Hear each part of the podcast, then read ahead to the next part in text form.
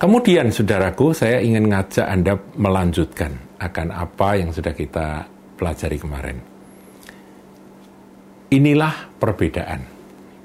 Yang satunya Lazarus ada di pangkuan Abraham dan dia mengalami akan damai sejahtera, sukacita, dan penghiburan yang luar biasa di kekekalan. Ayat 24, ya, ayat 23 maaf. Orang kaya itu juga mati lalu dikubur, dan sementara itu ia menderita sengsara di alam maut, ia memandang ke atas, dan dari jauh dilihatnya Abraham dan Lazarus duduk di pangkuannya. Jadi Abraham itu sedang mangku Lazarus. Dia lihat yang istimewa, yang luar biasa di sini dikatakan oleh Tuhan Yesus bahwa orang kaya itu mengenali Lazarus. Meskipun Lazarus mungkin sudah berubah ya, tapi dia tahu, saudara. Dari jauh dia memandang ke atas jarak jauh, matanya cukup tajam untuk mengenali bahwa itu Lazarus, bahkan itu Abraham, dia tahu. Dan dia memanggil memanggil Bapak Abraham, itu ayat 24. Artinya apa?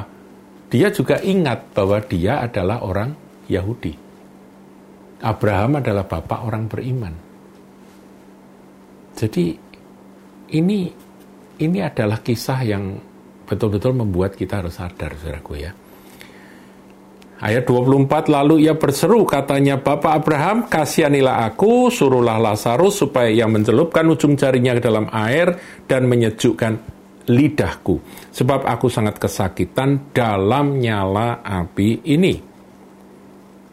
Tetapi Abraham berkata, Anak, ingatlah bahwa engkau telah menerima segala yang baik sewaktu hidupmu, sedangkan Lazarus segala yang buruk.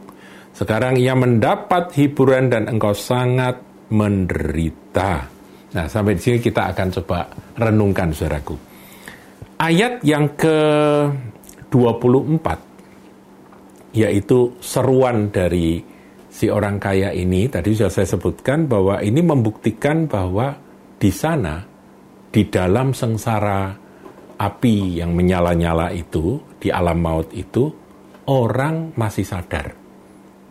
Sakit tapi sadar. Kemudian dia mengatakan, aku perlu air, berarti dia kehausan. Tapi dia berkata, sebab aku sangat kesakitan dalam nyala api ini. Saudara, saudara pernah eh, kehausan? Pernah haus? Haus itu paling berat, saudara. Kalau lapar itu bisa ditahan, kalau haus itu berat sekali. Jadi kalau nggak makan itu beberapa hari masih bisa tahan. Tapi kalau nggak minum, aduh, berat sekali, saudaraku. Nah, ini kehausan. Tapi nggak mati-mati, saudara. Jadi, jiwa dan rohnya itu terbakar di api yang menyala itu, tapi sadar. Ini yang mengerikan, saudara. Dan dia masih bisa teriak-teriak, masih bisa mengingat semuanya. Jadi sudah jangan mikir bahwa nanti kalau sudah di sana lupa semua. Tidak, masih ingat. Dia ingat akan apa yang dia lakukan di atas muka bumi. Dan ketika dia berkata, Bapak Abraham kasihanilah aku, berarti dia mau bertobat. Betul ya? Suruhlah Lazarus supaya ia mencelupkan ujung jarinya ke dalam air dan menyejukkan lidahku. Itu berarti dia mau merendahkan diri.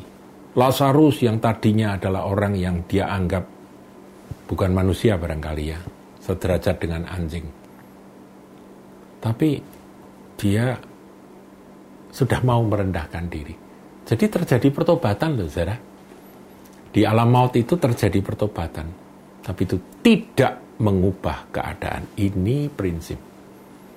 Jadi jangan dipikir bahwa nanti di sana setelah bertobat sungguh-sungguh nanti bisa keluar dari alam maut dan kemudian masih ada apa kesempatan untuk diselamatkan lagi. Tidak ada kesempatan. Kalau mau diselamatkan, mau bertobat, ya hari ini, saudara. Karena kita nggak tahu kita diberi kesempatan hidup sampai kapan. Sebab aku sangat kesakitan dalam nyala api ini. Inilah pelajaran yang kita harus ingat senantiasa di ayat 24 ini.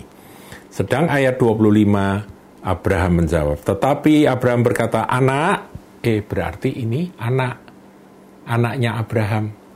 Saudara, jangan kita menepuk dada dan berkata, aku ini anaknya pendeta, aku ini anaknya majelis. Jangan, saudaraku ya. KTP ku Kristen sejak lahir itu nggak ada artinya. Tapi apakah Anda, saya memiliki dan dimiliki oleh Kristus Yesus Tuhan? bahwa engkau telah menerima segala yang baik sewaktu hidupmu, sedang Lazarus segala yang buruk, sekarang ia mendapat hiburan dan engkau sangat menderita. Pelajaran apa yang kita petik dari satu ayat ini? Begini, saudaraku. Apa untungnya, apa gunanya orang mendapatkan kesenangan seumur hidup,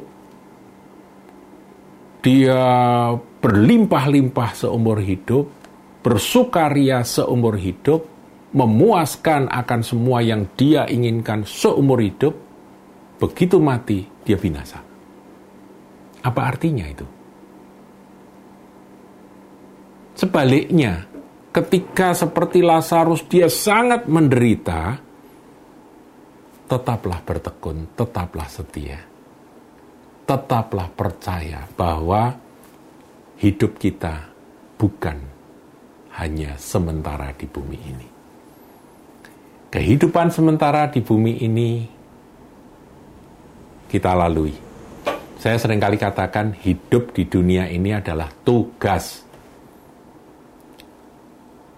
Tujuan kita adalah surga. Berkumpul, bersatu dengan Sang Juru Selamat Tuhan kita Yesus Kristus. Jadi, tidak ada gunanya saudaraku mau senang-senang di bumi ini kalau mati seperti orang kaya itu. Sebaliknya ketika ada pencobaan, ada kesusahan, jangan putus asa. Jangan menukar akan keselamatan hanya karena engkau susah di bumi ini. Bertahanlah, bertekunlah, percayakanlah seluruh kehidupanmu kepada dia. Dan ketahuilah bahwa ketika semuanya ini usai, kita memasuki kehidupan yang sesungguhnya. Di sini ini segala kemuliaan akan berlalu. Di sini ini segala kebanggaan akan lewat. Di sini ini segala kecantikan akan berubah. Segala ketampanan juga akan akan kita tinggalkan. Segala kebanggaan yang paling-paling dibanggakan apa entah saudaraku itu pun juga harus dilepaskan pada waktunya. Sebab itu mari kita pikirkan perkara yang di atas, bukan yang di bumi. Kemudian ayat 26 katakan selain daripada itu di antara kami dan engkau, ini penting, terbentang jurang yang tak terseberangi supaya mereka yang mau pergi dari sini kepadamu ataupun mereka yang mau datang dari situ pada kami tidak dapat menyeberang, tidak ada jembatan penyeberangan. Nggak ada. Jadi terpisah selama-lamanya. Sebab itu pesan ayat 26 ini apa saudaraku? Tidak ada kesempatan lagi ketika seseorang sudah mati. Hanya ada dua.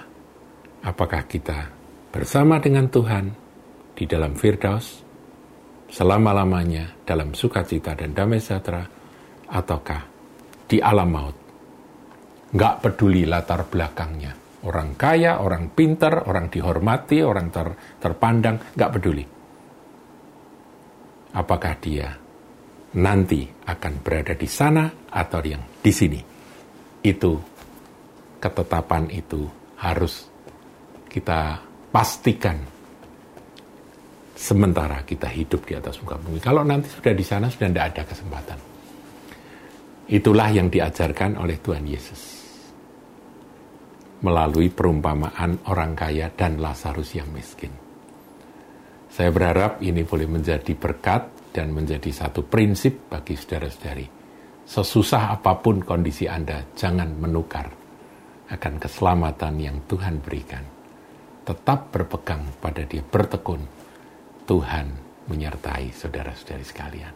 Haleluya. Amin.